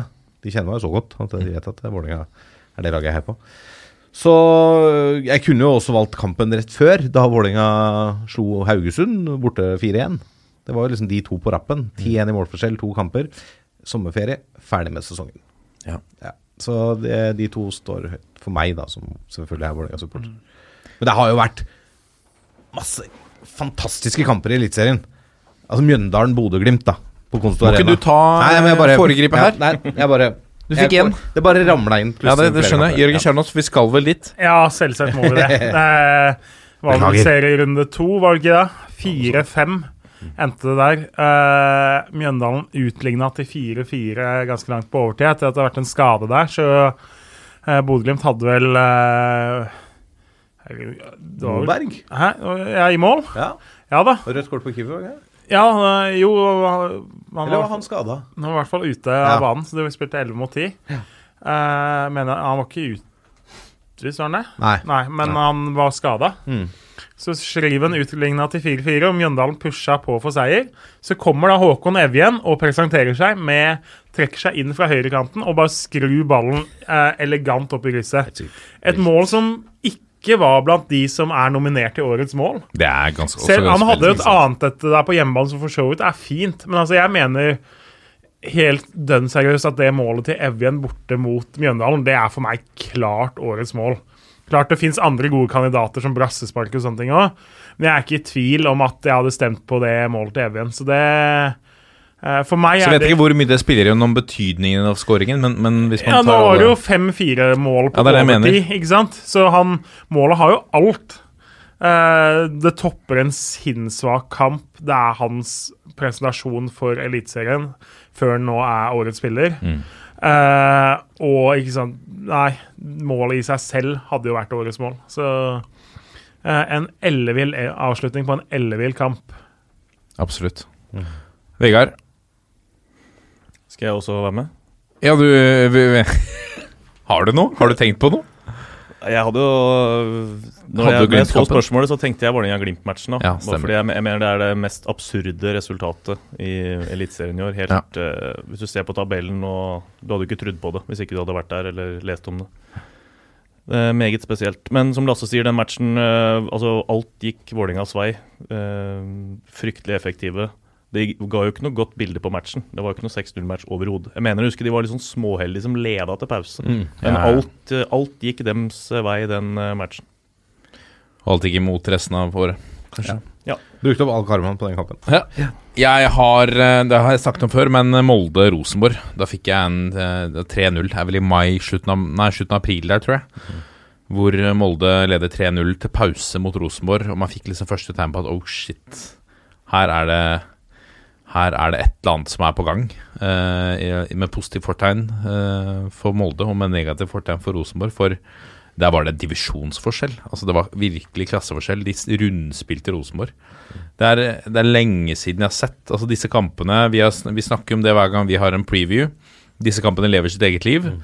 Eh, og det gjør, det gjør de jo, men, men der var det overkjøring. Det var eh, Og en liten sånn smakebit på hva vi hadde venta av Molde da for, for eh, årets sesong. Fjelleren lurer på har Brann nå tatt hjem seieren i De hjelpeløses hjelper-konkurransen. Ja, det er, jo ikke så langt unna når de eh, kliner til med 0-6 borte mot uh, Så taper 0-6 da, borte mot eh, Godset i eh, nest siste serierunde. Så er det klart, da, da, da legger hun gode aksjer på å stå på toppen av den pallen der. Men de får jo sterk konkurranse av eh, andre klubber.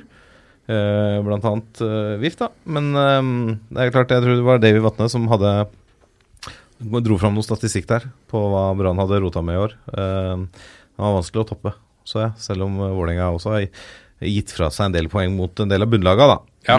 Sånn som ett av seks mulige mot både Sarpsborg og, og Lillestrøm blant annet, og tapt borte mot Gods og spilt uavgjort mot Ranheim. og ja, spilt uavgjort mot Tromsø har de gjort en gang òg. Så det er jo klart eh, Og ikke minst at det hender jo at Vålerenga har en tendens til å tape mot lag som ikke har vunnet på en stund. Det er sant. At det liksom nå er det en god stund siden dette laget har vunnet.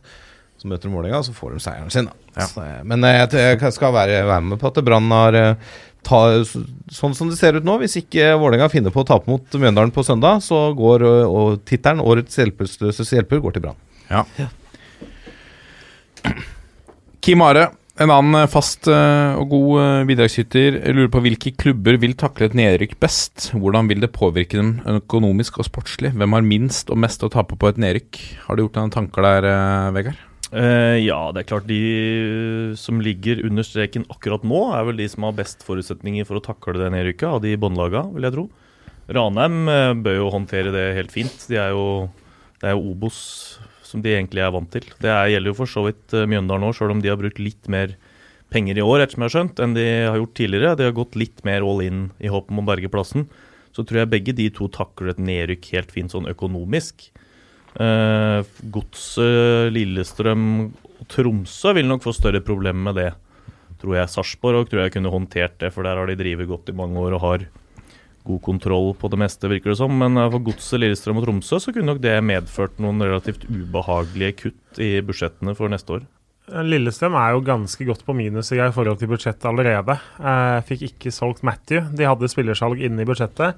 Svikta på tilskuertall, svikta på litt andre punkter. Så de, ifølge Romerikes Blad, lå vel an til et ganske solid millionunderskudd allerede i år. Og så hvis du da går ned og må kutte mye i tillegg, så blir det en intens uh, vinter på mange måter på Åråsen. Er det nesten sånn at uh, Lillestrøm må håpe på kvalik og klarer seg en kvalik for å få en ekstra hjemmekamp? Jeg tror nok, tror nok de tar imot en 13.-plass òg, for å si det sånn. Men, uh, uh, men ja, de er veldig spent. Og Tromsø har jo evig Jeg skjønner ikke helt hvor penga havner på Alfheim. med. De, der er det jo penger fra Tromsø Diamantøredobber og øst. sportsspiller. Men altså, jeg skjønner ikke at klubber den dag i dag budsjetterer med spillesalg. Altså, du legger det inn i en budsjettpost.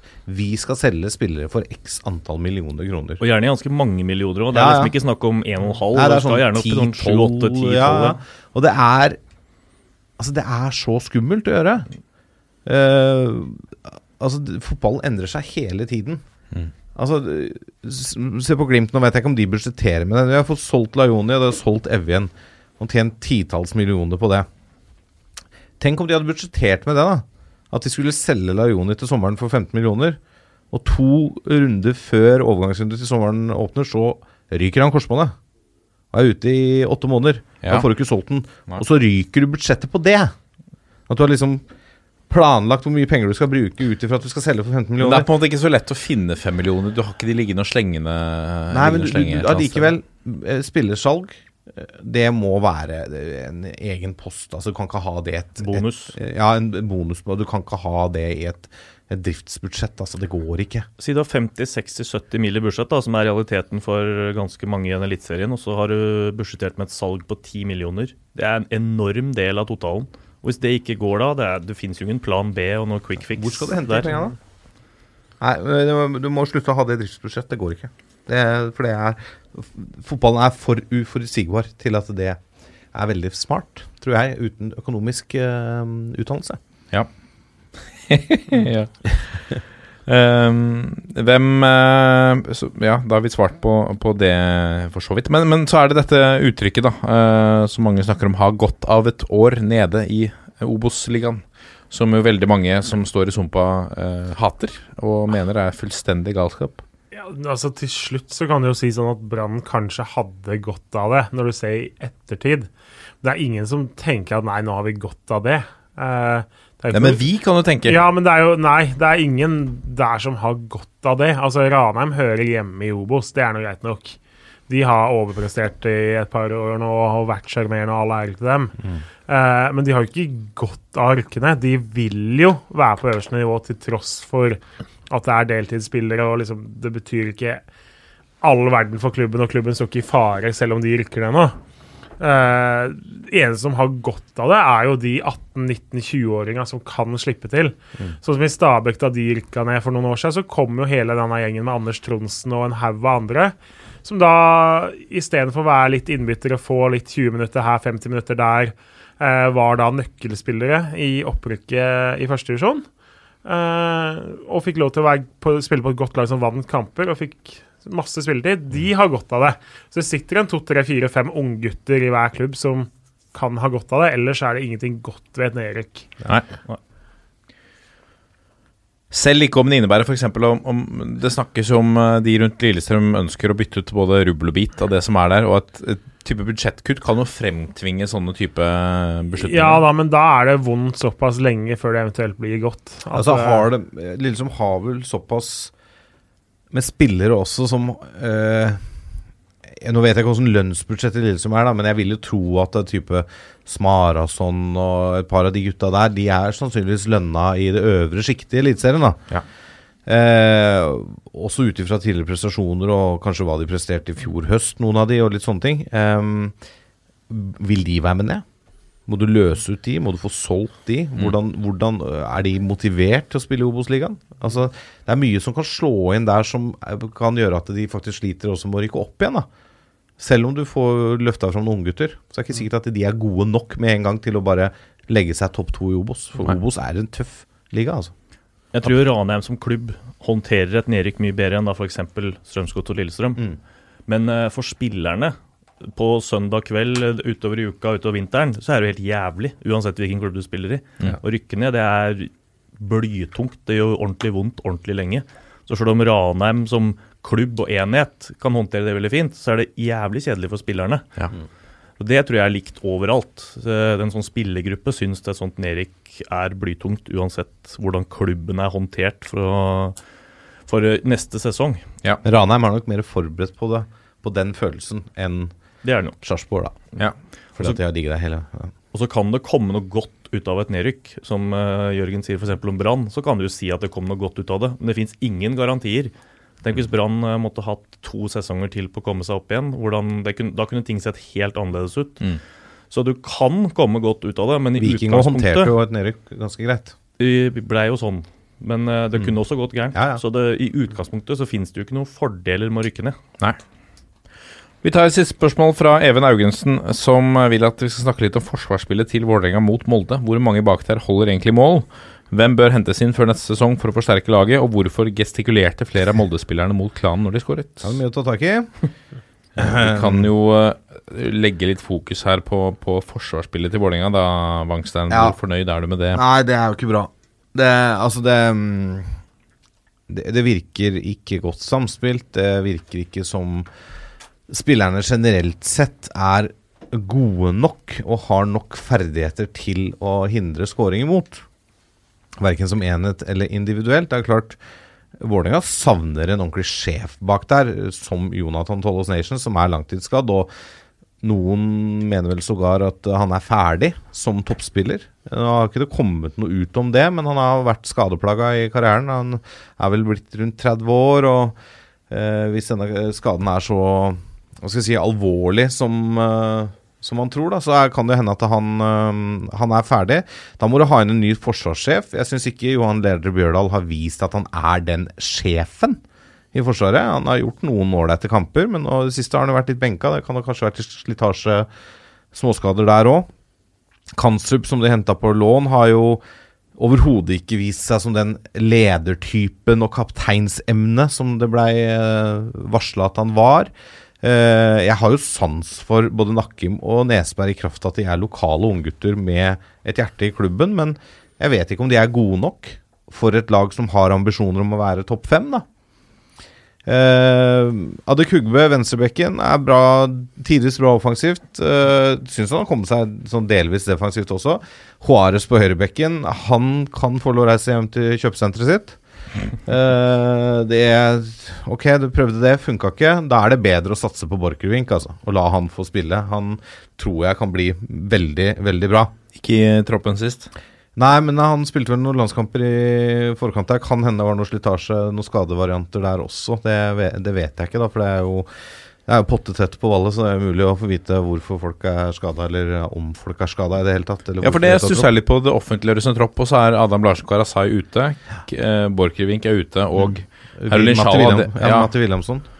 Ja, og så kommer det ikke noen forklaring. Ja, og så Harolin Sjala ble jo meldt at han var ute resten av sesongen, men ifølge Uefas sider så satt han på benken i begge landskampene. Ja. Og så er du frisk nok til å sitte på benken for Kosovo, så er du vel frisk nok til å spille eliteserie, eller? Men nå er det jo litt motstridende Ring Stefan.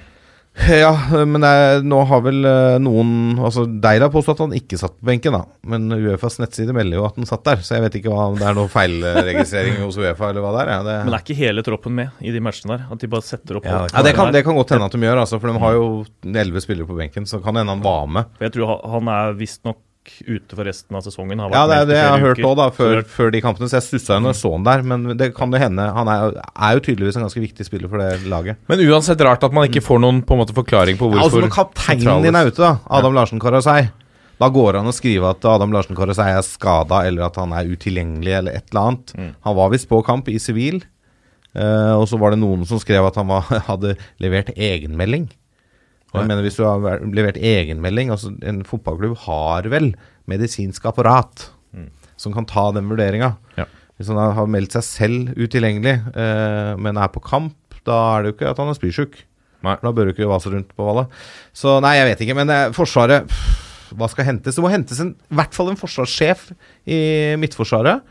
Eh, og så tenker jeg at ehm, Felipe Carvalho kom vel tilbake fra lån. Nei, han kommer aldri tilbake igjen. han, det blir permanent. Jeg likte, jeg likte så godt uh, hvor, Da jeg snakket med Ronny Deila, han fortalte meg Ja, vi har mange spillere ute på lån, så vi følger med på dem. Felipe spiller i Uruguay der. Og så, ja, men han kommer, det er ingen som tror at han kommer tilbake. Nei, men det skjer jo ikke. tilbake. Nei, nei, nei. Han var en uh, kul uh, type profil, han Ny- altså. Men, det var eh, profil. Det var profil, det var det faktisk. det var det. Det er jo helt utrolig at uh, Vålerenga ikke har plass til han. Eller at, uh, men det kan hende han vil hjem sjøl, nærmere familien. Og alt det Virker der. sånn. Men eh, nei, hvis eh, Jonathan Tolle er borte, så er det jo klart han må jo ha en forsvarssjef. Og så må du kanskje ha en backup på høyrebekk, hvis ikke Aminori skal få lov å eh, være på, i troppen, i hvert fall. Ja. så Nei, det er mye Det bør skje en del på Valle i, i vinter. Når du nevner Borchgrevink her, da, som er, eh, jeg synes han har tatt litt steg i løpet av sesongen. Ja, ja, enig. Eh, har Absolutt. vært sendt på et par lån og har klart å heve seg litt. Det er ganske bra offensivt òg. Mm. Og skal du da ha en høyrebekk fra Mexico som skal ta, ta plassen hans på laget, da skal du være mer enn ett hakk bedre enn Ja. han unge lokale fremadstormende. Helt enig. Og akkurat per nå så er den vel kanskje ikke det ene hakket bedre engang. Så da bør jo det der være åpent mål, hvis du i hvert fall skal velge mellom de to. Jeg er helt enig. Helt enig. Ja, Joares har vel utgående kontrakt, men jeg mener han signerte ettårskontrakt. Ja, tror så, ja. Ja, den bør vel Spennende å se. Det er, det er, noe, eh, det er noe eget også. Nå, nå nærmer serien seg slutt. øh, Og det er noen kvalikkamper og sånne ting. Og så øh, skal jo vi også ha en pause etter hvert. Og sånne ting. Men så begynner sånn preseason og silly season. Og det er noe egentlig å følge med på. Det er masse fredagskamper i LSK-hallen gjennom hele vinteren. Det er så nydelig når du ser sånn nå Skeid og Ullkisa og sånn har, og Grorud har offentlige og gjort liksom termin, eller Ja, treningskampene sine. Masse fredag klokka det seks i LSK-hallen og sånn. Det hvorfor det er lagt ut. Det er selvfølgelig fordi de må booke tid, må ja. tid, ja. ja. Selvfølgelig Ja, er det må det. planlegges tidlig. Så det, og noen av oss kan da sitte og glede oss til liksom siste helg i januar når det starter opp og sånn. Det, det er gøy, det. Sterkt. Får du tre matcher på rad i LSK-hallen en fredag der, det er nydelig. god Det er, det er nydelig. Ta med seg en kaffekopp, en liten vaffel der. Ja. Er det kiosk der, da? På treningskampen? Ja, den er ikke åpen eh, på de matchene jeg har vært på. LSK-kampen Kan de jo hente inn noe av disse underskuddpenga, da? Jeg mener å huske at det har stått en sånn brusboks borti hjørnet Nei, brusautomat borti hjørnet. Kiosken er LSKs ungdomsavdeling, så det er ikke noe maratonlønn. Som Vi gleder oss til siste serierunde. Følg med i uh, vår såkalte preview-episode som kommer litt senere denne uken. Uh, så må vi avslutte på 1, 2, 3. Vi er en gjeng! Ha det! Hei.